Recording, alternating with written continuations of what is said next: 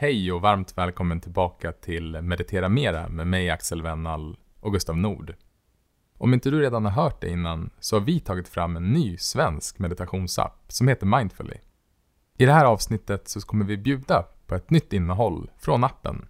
Det är en insikt som heter Vetenskapen om meditation. Och du hittar fler insikter likt den här och över 150 guidade meditationer på svenska i appen. Och här kommer Vetenskapen om meditation. Antalet studier om meditation och mindfulness har växt lavinartat de senaste åren och år 2018 hade det publicerats över 6 800 internationella studier på ämnet. Idag vet vi att hjärnan är en muskel som stärks av träning och formas av allt vi gör. Det inspirerande med det är att det verkligen är möjligt att öva upp färdigheter som närvaro, medkänsla och känsloreglering. Och det verkar inte heller finnas någon gräns för hur bra det kan bli. Det finns dock ett par viktiga aspekter att ha i beaktning när det kommer till vetenskapen om meditation. För det första är det fortfarande ett väldigt ungt forskningsämne som inleddes först på 1970-talet, men egentligen har exploderat de senaste åren. Vilket betyder att det är många studier som behöver följas upp med ytterligare experiment och kontrollstudier. Det andra är att många av forskarna inom meditation själva är utövare. Det här ger dem såklart viktiga insikter, men det kan också leda till att de blir partiska att publicera positiva resultat. Det tredje problemet har inte så mycket att göra med forskningen i sig självt, utan hur den tolkas. Vi är många som vill marknadsföra meditation med den senaste forskningen, vilket ofta leder till att vi tar i rejält med saltkaret när vi lyfter upp vissa studier. Här har vi på Mindfully ett ansvar att göra det på ett nyanserat sätt. Och vi kan bara erkänna att det är lättare sagt än gjort. Men vi lovar att göra vårt bästa. I boken Stillhetens styrka, vetenskapen om meditation, har däremot Richard J. Davidson och Daniel Goleman gått igenom de publicerade studierna om meditation och mindfulness för att undersöka vad vetenskapen kommit fram till. Det är en bok som jag varmt kan rekommendera. Richard J. Davidson och hans forskningslabb vid University of Wisconsin har varit världsledande i det nya forskningsfält som kommit att kallas för kontemplativ neurovetenskap. Deras slutsats är att meditation har flera positiva effekter för nybörjare inom meditation och på ett tidigt stadie. Ett exempel är att hjärnan visar minskad stressreaktivitet i amygdalan Studier har visat att bara efter två veckors träning förbättras uppmärksamheten, bland annat i form av stärkt fokus och att tankarna vandrar mindre och även ett bättre arbetsminne. Men de här effekterna är övergående om vi inte övar regelbundet. Precis som med vår kondition verkar resultaten vara en färskvara. För långtidsutövare som har mediterat tusen timmar eller mer är vinsterna som hittills dokumenterats mer stabila och dessutom har ytterligare några kommit till. Både i hjärnan och hormonellt finns indikatorer som visar på minskad stressaktivitet och minskad inflammation. Förstärkning av de prefrontala kretsarna för hantering av känslomässiga påfrestningar och sänkta halter av stresshormonet kortisol.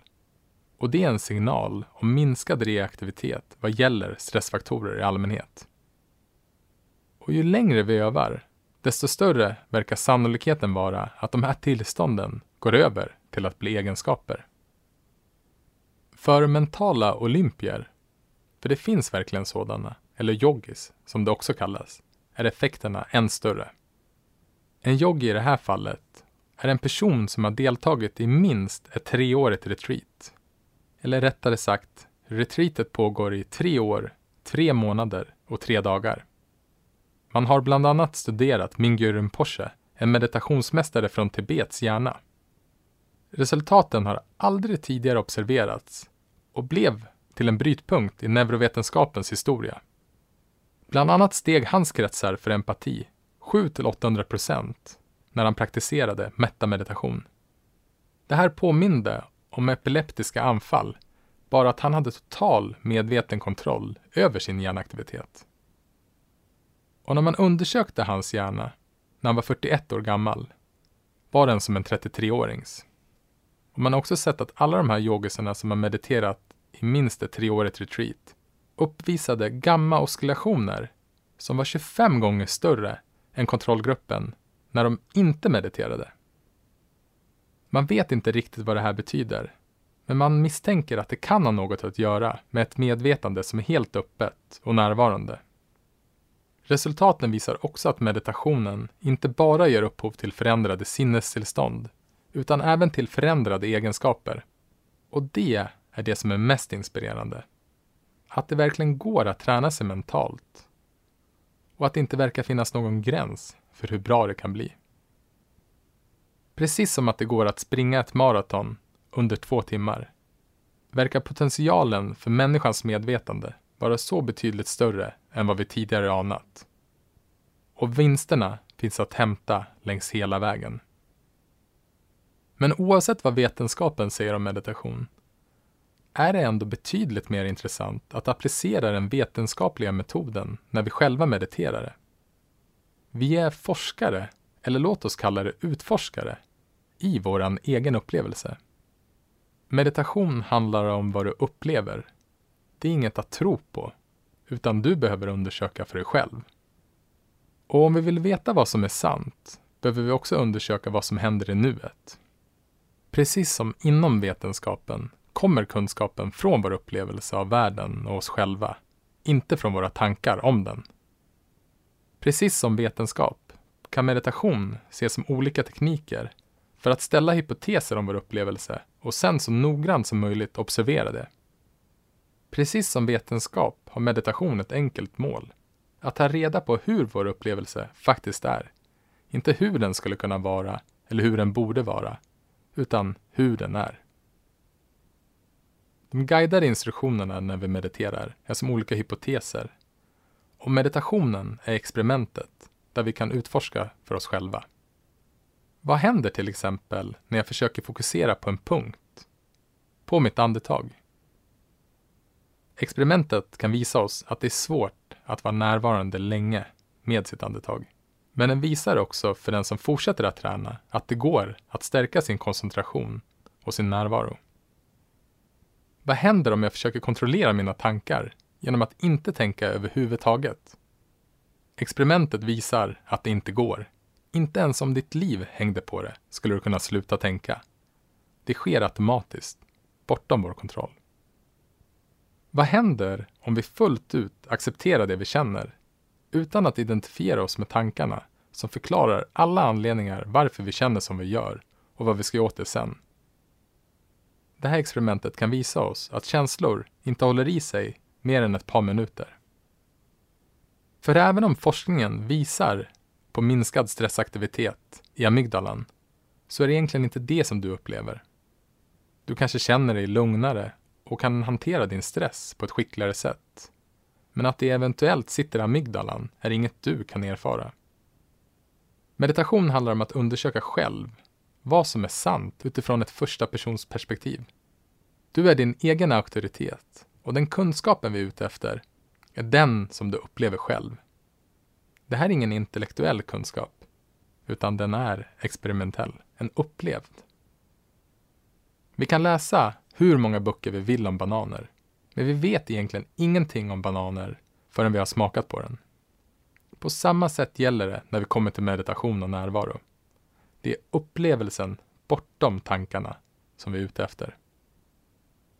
I boken Vipassana meditation, som är skriven av William Hart med meditationsmästaren S.N. Goenka, finns det en berättelse som belyser det här. Den går så här. En ung professor reste med ett fartyg. Han hade lång utbildning och massor av akademiska utmärkelser, men liten livserfarenhet. En gammal sjöman som var analfabet arbetade på fartyget. Varje kväll kom han till professorns hytt för att lyssna på lärda utläggningar i olika ämnen. Han blev mycket imponerad av den unga mannens lärdom. När han en kväll efter flera timmars utläggningar var på väg att lämna hytten frågade professorn Gamle man, har du studerat geologi? Vad betyder det? Läran om jorden? Nej, jag har inte gått i skola. Jag har aldrig studerat. Gamle man, då har du kastat bort en fjärdedel av ditt liv. Illa till mods gick sjömannen därifrån. Om en så lärd man säger det, så måste det vara sant, tänkte han. Jag kastar bort en fjärdedel av livet. När sjömannen nästa kväll åter var på väg att lämna hytten frågade professorn Gamle man, har du studerat oceanografi? Vad betyder det? Läran om havet? Nej, jag har aldrig studerat. Gamle man, då har du kastat bort halva ditt liv. Ännu mera bedrövad lämnade sjömannen hytten. Jag måste ha kastat bort halva livet. Det är vad den här lärda mannen säger. Nästa kväll frågade professorn åter sjömannen. Gamle man, har du studerat meteorologi? Vad betyder det? Det har jag aldrig hört talas om. Det är läran om vädret, om vinden och regnet. Nej, som jag har sagt så har jag aldrig gått i skola. Jag har aldrig studerat. Du har alltså inte studerat läran om jorden du lever på. Du har inte studerat läran om havet som försörjer dig. Och du har inte heller studerat läran om vädret som du möter varje dag.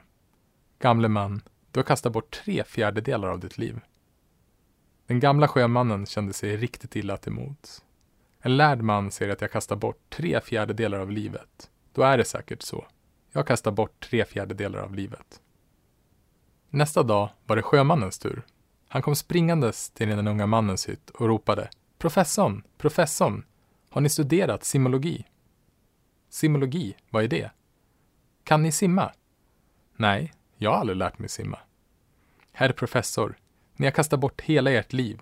Fartyget har gått på grund och håller på att sjunka. De som kan simma kan ta sig till stranden där borta. Och de som inte kan simma kommer att drunkna. Jag är ledsen, herr professor, men ni har verkligen kastat bort ert liv. Du kan studera alla logier som finns. Men om du inte lär dig simologi är alla dessa studier meningslösa.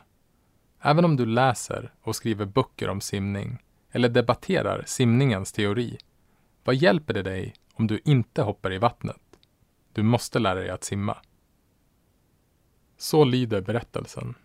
Så oavsett hur lovande vetenskapen är, och den är verkligen, verkligen lovande, så låt den fungera som inspiration. Vi kan precis som forskarna själva ta del av den med ett öppet, med skeptiskt sinne. Och sen kan vi istället ägna mer fokus på att bli forskare eller utforskare över vårt egna liv.